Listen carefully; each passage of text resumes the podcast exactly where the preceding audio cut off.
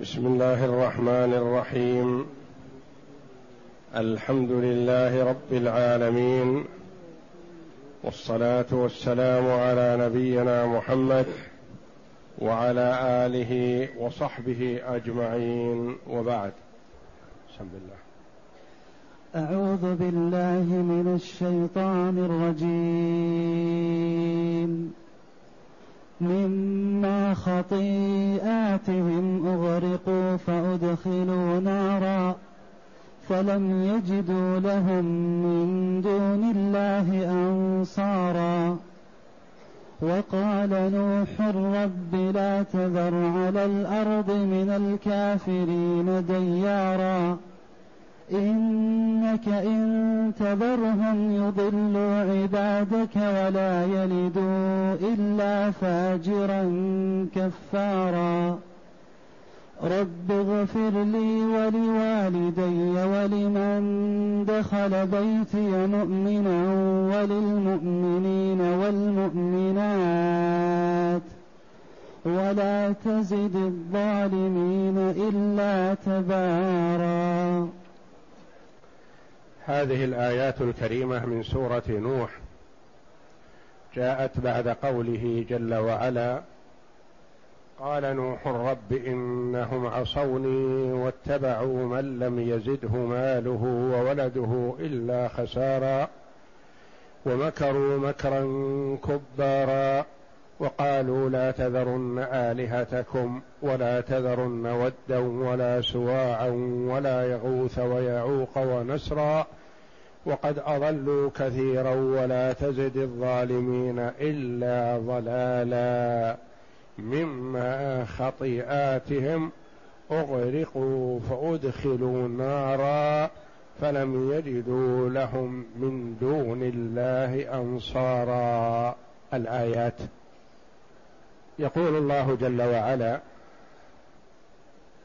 مخبرا عن قوم نوح لما دعا عليهم عليه الصلاة والسلام وطال مكثه فيهم وأتاه من ربه جل وعلا أنه لن يؤمن من قومك إلا من قد آمن. حينئذ دعا عليهم عليه الصلاة والسلام ودعا عليهم بسبب خطاياهم وبإجرامهم وبأفعالهم السيئة. يقول الله تعالى مما خطيئاتهم اغرقوا. هذه الآية معترضة في وسط دعاء نوح على قومه. عليه الصلاة والسلام. وشكاهم إلى ربه تبارك وتعالى بقوله قال نوح رب إنهم عصوني واتبعوا من لم يزده ماله وولده إلا خسارا ومكروا مكرا كبارا وقالوا لا تذرن آلهتكم ولا تذرن ودا ولا سواعا ولا يغوث ويعوق ونسرا وقد أضلوا كثيرا. قال تعالى مما خطيئاتهم أغرقوا فأدخلوا نارا فلم يجدوا لهم من دون الله أنصارا وقال نوح معطوف على القول السابق وقال نوح رب لا تذر على الأرض من الكافرين ديارا قال بعض المفسرين جاءت هذه الآية معترضة في وسط ما قاله نوح لربه تبارك وتعالى لتعجيل بيان سبب تعذيبهم. لماذا عذبوا؟ قال مما خطيئاتهم. وأصلها من التعليلية ما هذه الزائدة للتوكيد. من خطيئاتهم يعني علل العذاب بخطيئاتهم. كأن سائلا يسأل يقول لما عذبوا؟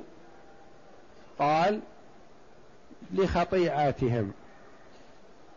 من هذه تعليليه ومن تأتي لمعان كثيرة. تأتي من سببية وتأتي من ابتدائية وتأتي من تبعيضية وتأتي من تعليلية. من خطيئاتهم وما هذه صلة يسميها علماء التفسير للتأكيد. من خطيئاتهم يعني بخطيئاتهم بسبب خطيئاتهم عذبوا لكذا لخطيئاتهم وخطيئاتهم فيها قراءات خطيئاتهم جمع مؤنث سالم. بخطاياهم جمع تكسير. بخطيئتهم إفراد. مما خطيئاتهم جمع المؤنث السالم. أغرقوا. أغرقهم الله جل وعلا بالماء بالطوفان الذي عم الأرض كلها. ولم ينجو من الكافرين أحد. ولم ينجو إلا من مع نوح عليه السلام في السفينة لأن الماء عم الأرض كلها وارتفع فوق قمم الجبال العالية أمتارا عديدة. لأن الماء كما أخبر الله جل وعلا بأنه جاءهم من الأرض ومن السماء. وكما قص الله جل وعلا علينا عن ابن نوح أنه حين وهم يرى الغرق ويرى الطوفان ويرى المياه يقول يا بني اركب معنا ولا تكن مع الكافرين. قال سآوي إلى جبل يعصمني من الماء. وهو يشاهد الغرق الشقاوة والعياذ بالله. يقول سآوي إلى جبل يعصمني مانا لا همك رح. في سفينتك وأنا لا. أنا سأصعد إلى أعلى جبل وأسلم من الغرق. قال لا عاصم اليوم من أمر الله إلا من رحم وحال بينهما الموج فكان من المغرقين. أغرقوا فأدخلوا نارا. غرق ونار. وهذا من اجتماع الضدين. والله جل وعلا على كل شيء قدير. في الغرق وفي النار. وهذا في البرزخ يعني عذاب القبر. وعذاب القبر لمن أراده الله جل وعلا له لا يسلم منه أحد. مات بالغرق أو مات بالحرق أو مات ودفن في قبره ولحد له أو أكلته السباع أو أكلته الطيور عذاب القبر لمن أراده الله جل وعلا له لا ينجو منه. وهؤلاء أغرقوا في الطوفان. ومع الغرق هم في النار. أغرقوا فأدخلوا نارا. قال بعض المفسرين أغرقوا في الدنيا. يعني في ماتوا بالغرق. وأدخلوا نارا في الدار الآخرة نار جهنم. يقول قائل أغرقوا فأدخلوا. جاء بلفظ الماضي. وعذاب جهنم ما جاء إلى الآن. أما على القول الأول فهو ماشي. أنه عذاب البرزخ عذاب النار في البرزخ. غرق ونار جميع. أما على القول الثاني أغرقوا الآن وأدخلوا نار. النار الآخرة نار جهنم. قالوا نار جهنم كيف جاء بلفظ الماضي؟ نقول يأتي هذا كثير. الحاضر والمستقبل يأتي بلفظ الماضي لتحقق وقوعه. كما قال الله جل وعلا أتى أمر الله فلا تستعجلوه. أتى وهو سيأتي. لكن لتحقق وقوعه صار كأنه ماضي كأنه أتى بالفعل. وهنا إذا كان المراد به نار جهنم في الدار الآخرة فالمراد مجيء بلفظ الماضي لتحقق وقوعه. أغرقوا فأدخلوا نارا. والظاهر والله أعلم أنهم الغرق في الدنيا والإحراق في النار كذلك في حال البرزخ. أغرقوا فأدخلوا نارا. والله جل وعلا على كل شيء قدير. ممكن أن يكون الغرق والحرق في آن واحد. فلم يجدوا لهم من دون الله أنصارا. قالوا هم بعضهم لبعض لا تذرن آلهتكم.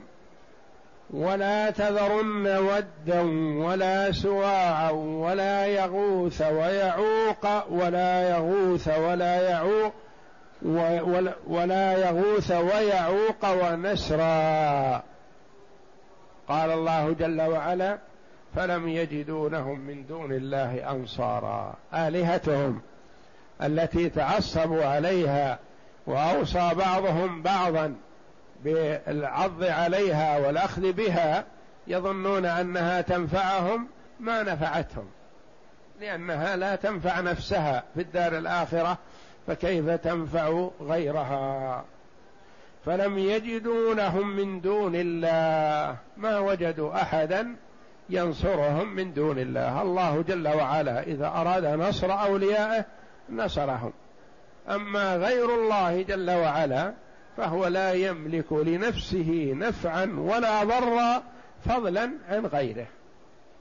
النبي صلى الله عليه وسلم وهو أعظم الخلق نادى بطون قريش عمم ثم خصص وقال يا فاطمة بنت محمد سليني من مالي ما شئت لا أغني عنك من الله شيئا.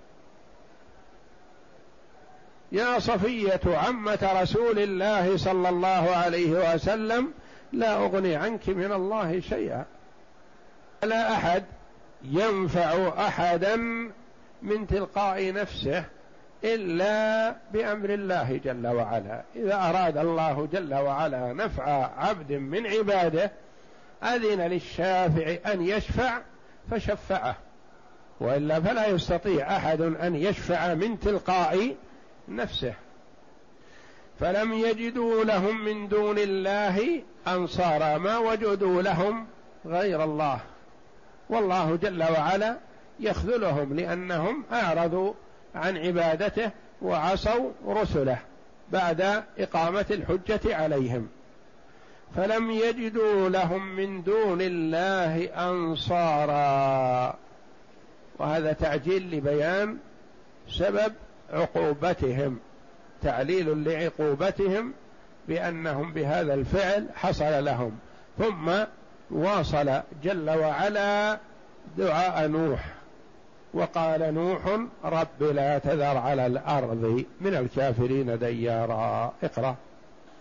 يقول تعالى مما خطيئاتهم وقرئ خطاياهم اغرقوا أي من كثرة ذنوبهم وعتوهم وإصرارهم على كفرهم ومخالفتهم لرسلهم.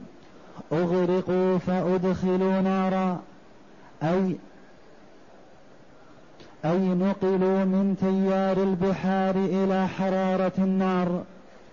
فلم يجدوا لهم من دون الله أنصارا. وأغرقوا فيها قراءتان. أغرقوا بالهمزة. وغرقوا بدون همزة مع التشديد. مما خطيئاتهم غرقوا فأدخلوا نارا. نعم. فلم يجدوا لهم من دون الله أنصارا. أي لم يكن لهم معين ولا مغيث ولا مجير ينقذهم من عذاب الله. كقول الله تعالى لا عاصم اليوم من أمر الله إلا من رحم. وقال نوح رب لا وقال نوح رب لا تذر على الأرض من الكافرين ديارا. هذا مواصلة في دعاء نوح عليه السلام على قومه. وقال نوح رب لا تذر لا تترك على الأرض كلها من الكافرين ديارا. ديارا اولا ديارا أصلها دي وارا دي وارا اجتمع لأنها من الدوران أو الدوار. اجتمعت الياء والواو وسبقت إحداهما بالسكون فقلبت الواو ياء وأدغمت الياء في الياء وهذا كثير في اللغة والتصريف. اجتمعت الياء والواو وسبقت إحداهما بالسكون يعني كانت الأولى ساكنة. وإذا وجد هذا فإنها تقلب الواو ياء وتدغم الياء في الياء فيقال ديارا. وديارا بمعنى صاحب دار يعني لا تترك أحد. أو ديارا بمعنى صاحب دوران حركة. يعني ماشي لا تترك فيها أحد. يريد أن يعمهم الهلاك لأنهم لا خير فيهم. ومكث فيهم هذا المكث الطويل ألف سنة إلا خمسين عاما وكان المؤمنون منهم بقدر من ركب في السفينة. مهما تكون السفينة كبيرة وفيها الحيوانات والبهائم والطيور والحشرات وبهيمة الأنعام حتى لا ينقطع النسل. لحكمة يريدها الله ليبقى نسل الحيوانات هذه. فحملت مع نوح عليه الصلاة والسلام في السفينة. ومن آمن به وهم قلة. ممن لم يؤمن به من أهل بيته. زوجته وولده. وزوجته الأخرى آمنت به واثنان من أولاده آمنوا به والثالث كفر به ولم يؤمن. كما قص الله جل وعلا ذلك في كتابه العزيز. ضرب الله مثلا الذين كفروا امرأة نوح وامرأة لوط. وقال و وهي تجري بهم في موج كالجبال ونادى نوح ابنه. وكان في معزل يا بني اركب معنا ولا تكن مع الكافرين. قال سآوي إلى جبل يعصمني من الماء. قال لا عاصم اليوم من أمر الله إلا من رحم. وحال بينهما الموج فكان من المغرقين من الهالكين. إن أولاد نوح ثلاثة اثنان آمنا به والثالث كفر به. وزوجاته اثنتان واحدة مؤمنة وواحدة كافرة كما ورد. فدعا عليهم بهذا الدعاء ولا يقال إن نوح تعجل عليه الصلاة والسلام لأنه مكث فيهم ألف سنة إلا خمسين عاما. ثم إن الله جل وعلا أنزل عليه إنه, أنه لن يؤمن من قومك إلا من قد آمن فلا تبتئس. وورد أن الله جل وعلا منع الإنجاب منهم قبل تعذيبهم وهلاكهم بأربعين سنة وقيل بستين سنة حتى لا يعذب صغير. وقال نوح رب لا تذر على الأرض من الكافرين ديارا إنك إن تذرهم يضل عبادك ولا يلدوا إلا فاجرا كفارا. إنك إن تذرهم يعني تترك منهم أحد ما تهلكه يا ربي لأنه عرفهم وسبر حالهم عليه السلام. يضل عبادك هم لا خير فيهم ويسعون في أضلال الآخرين. بعض الكفار يكون كافر في نفسه فقط ولا ضرر فيه على الآخرين. وبعض الكفار والعياذ بالله يكون ضال في نفسه ساع في الضلال. يسعى ويحرص على إضلال الآخرين. يضل عبادك يصرفوهم عن الدين وعن الحق وعن الاستقامة. ولا يلد إلا فاجر. خبيث العمل. كفار خبيث الاعتقاد. كافر بالله. يعني عمله خبيث وعقيدته خبيثة كافر مشرك. ولا يلد إلا فاجرا كفارا. دعا نوح عليه السلام على الكفار مقابل هذا أنه عليه الصلاة والسلام دعا لنفسه وللمؤمنين. فقال رب اغفر لي. سأل ربه جل وعلا المغفرة والمؤمن يسأل ربه دائما المغفرة حتى وإن كان من أفضل الناس. ولا يقول سؤال المغفرة لعامل السيئات وأنا ما عمل سيئات. نوح عليه السلام أحد أولي العزم من الرسل يقول رب اغفر لي. والنبي صلى الله عليه وسلم يقول إني لا أستغفر الله وأتوب إليه في اليوم مئة مرة. وإني لا أستغفر الله وأتوب إليه في اليوم أكثر من سبعين مرة. أو كما قال صلى الله عليه وسلم. وكان الصحابة يحاول أن يحصوا قول النبي صلى الله عليه وسلم في المجلس رب اغفر لي ما يحصونها من كثرتها. وهو أفضل الخلق عليه الصلاة والسلام. فالاستغفار مطلوب من المؤمن أن يطلب من ربه جل وعلا المغفرة. ولما قال أبو بكر للنبي صلى الله عليه وسلم يا رسول الله علمني دعاء أدعو به. وفي رواية أدعو به في صلاتي. قال له قل رب إني ظلمت نفسي ظلما كثيرا. ولا يغفر الذنوب إلا أنت فاغفر لي مغفرة من عندك وارحمني إنك أنت الغفور الرحيم.